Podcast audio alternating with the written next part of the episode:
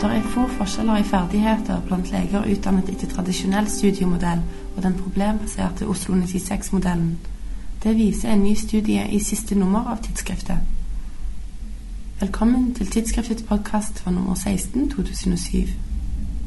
I artikkelen ser Olav Aasland sammen med Jannike Wiers Jensen på om Oslo 96-reformen har hatt noen betydning for legers oppdatering og ferdighetsnivå. Dette er som en del av et større forskningsprosjekt. Legeforeningens forskningsinstitutt har jo fått et oppdrag av Medisinsk fakultet i Oslo som går ut på at vi skal evaluere eh, virkningen eller effektene av denne Oslo 96-reformen, som det heter. Som altså var en omlegging av studieplanen ved Det medisinske fakultet i Oslo som skjedde i 1996. Og vi har laget en, en prosjektskisse som spenner over åtte-ti år, faktisk, hvor tanken er at vi skal følge disse unge legene helt frem til de er ferdige spesialister, de fleste av dem, da, og vel så det. Og så skal vi se da på forskjellige tidspunkt om vi kan spore noen virkning av denne spesielle reformen. Hva er forskjellen på den gamle studiemodellen og Oslo 96-modellen? Forskjellen er at man la om fra et tradisjonelt medisinstudium som hadde først en såkalt preklinisk del. Det er altså det to-tre år hvor man studerer anatomi og fysiologi og kjemi og sitter på laboratorium og sitter og leser osv. Eh, riktignok i de senere årene også ispedd litt såkalt medisinsk atferdsfag. Dvs. Si at man kom sammen i grupper og hadde enten noen simulerte eller noen ekte pasienter. Men nå er det altså lagt om slik at man allerede fra begynnelsen av studiet har mye mer smågrupper, og også faktisk på et mye tidligere stadium får pasienter å forholde seg til, altså ekte pasienter, selvsagt da under veiledning av erfarne lærere. Målet ved studien var å sammenligne studenter som studerte etter Oslo 96-modellen, med studenter som studerte ved Universitetet i Oslo ved den gamle studiemodellen, og leger som studerte i Bergen, for å se etter eventuelle forskjeller. Og så er det da å se om disse legene er forskjellige, særlig da i forhold til eh, tre ting. Det er eh, hvordan de oppdaterer seg, altså hvordan de holder ved like og oppdaterer sin medisinske kunnskap. Og så er det rett og slett hva de kan av ferdigheter og ting og tang som leger skal kunne. Og det siste er hvordan de eh, kommuniserer med pasientene. Men i dette tilfellet her er det jo kun målt ved hjelp av deres egne oppgaver, altså hva de selv sier.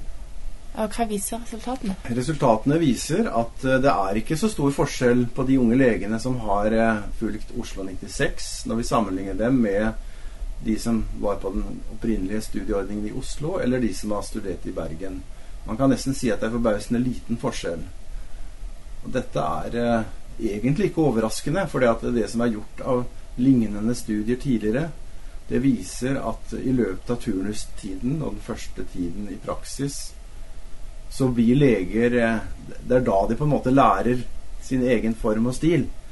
Så det de eventuelt lærte i studiet, det kanskje, kommer kanskje litt i bakgrunnen i forhold til det de lærer da i det vi kunne kalle virkeligheten. Selv om det viste seg å være få forskjeller, var det likevel noen variasjoner? Det var noen variasjoner. Vi fant f.eks. i flere anledninger at uh, de kvinnelige legene oppga litt mindre ferdigheter det har vi spekulert litt på. Det, vi tror ikke det nødvendigvis er fordi de er, ikke er like flinke. Det kan like gjerne være at de er litt mer beskjedne og ikke i så stor grad uh, er villige til å liksom rangere seg selv som noe 'Dette kan jeg veldig godt', osv. Dette er jo noe vi har sett, og altså man ser i andre typer lignende studier også, man ser på kjønnsforskjeller. Så fant vi en annen ting som vi også har filosofert litt over i artikkelen, at de legene som hadde fulgt den gamle ordningen i Oslo, i mindre grad brukte Internett til å oppdatere seg enn f.eks. da Oslo 96-legene. Eh, dette kan enten skyldes at de som har fulgt den nye ordningen, har allerede under studiet i mye større grad lært å bruke Internett. For det tror jeg faktisk er tilfellet. Det kan også være et resultat av at eh, de som gikk i Oslo før 1996, eh, det er tross alt noen flere år siden, og at de da hører til en gruppe som, som ikke i så stor grad bruker Internett også på andre måter. Dette vet vi jo ikke helt sikkert, men det var iallfall en forskjell vi fant. Er disse erfaringene lignende i andre land? Vi har bare greid å finne én eh, studie fra Holland hvor man virkelig har gjort sånn som vi har gjort, altså at man har fulgt disse uh, legene over tid etter at de hadde vært gjennom en spesiell studieform. Der har hollenderne faktisk funnet at uh, forskjellene mellom de som har vært i den studieformen og de andre, er den holder seg i større grad enn det vi finner. Vi tror kanskje det er fordi at den hollandske omleggingen var mer radikal enn den norske. Fordi at den norske, altså Oslo 96, det var bare delvis en overgang til såkalt PBL. Da, altså det står jo for problembasert læring. Men vi tror at en mulig forklaring på dette kan være at den hollandske omleggingen var mer radikal. Og det betyr jo da at hvis man gjorde en tilsvarende radikal omlegging i Norge, så kan det jo tenkes at vi ville finne det samme her, nemlig at det, det ble forskjeller som holdt seg iallfall noe lenger. Betyr disse resultatene for legeutdanningen i Norge? Det betyr uh, iallfall ikke at man bør slutte med PBL. For det at både den artikkelen her og den forrige vi eh, kom med for noen år siden, hvor vi da så på hvordan disse legene syns selve studiet hadde vært, der er det jo egentlig positive signaler om at dette er en ok måte å studere medisin på. Og det er ingenting i de dataene vi finner som heller tyder på at de som har fulgt denne spesielle ordningen, er dårligere enn de andre. Sånn at uh, vi tror at denne, denne, litt mer moderne måten å legge opp studiet på, den er kommet for å bli. Vi skal følge disse unge legene i noen år fremover. Og det kan godt hende at det er forskjeller som vi foreløpig ikke har greid å finne. Så vi skal bruke vår fantasi til å finne andre, også andre måter å måle på.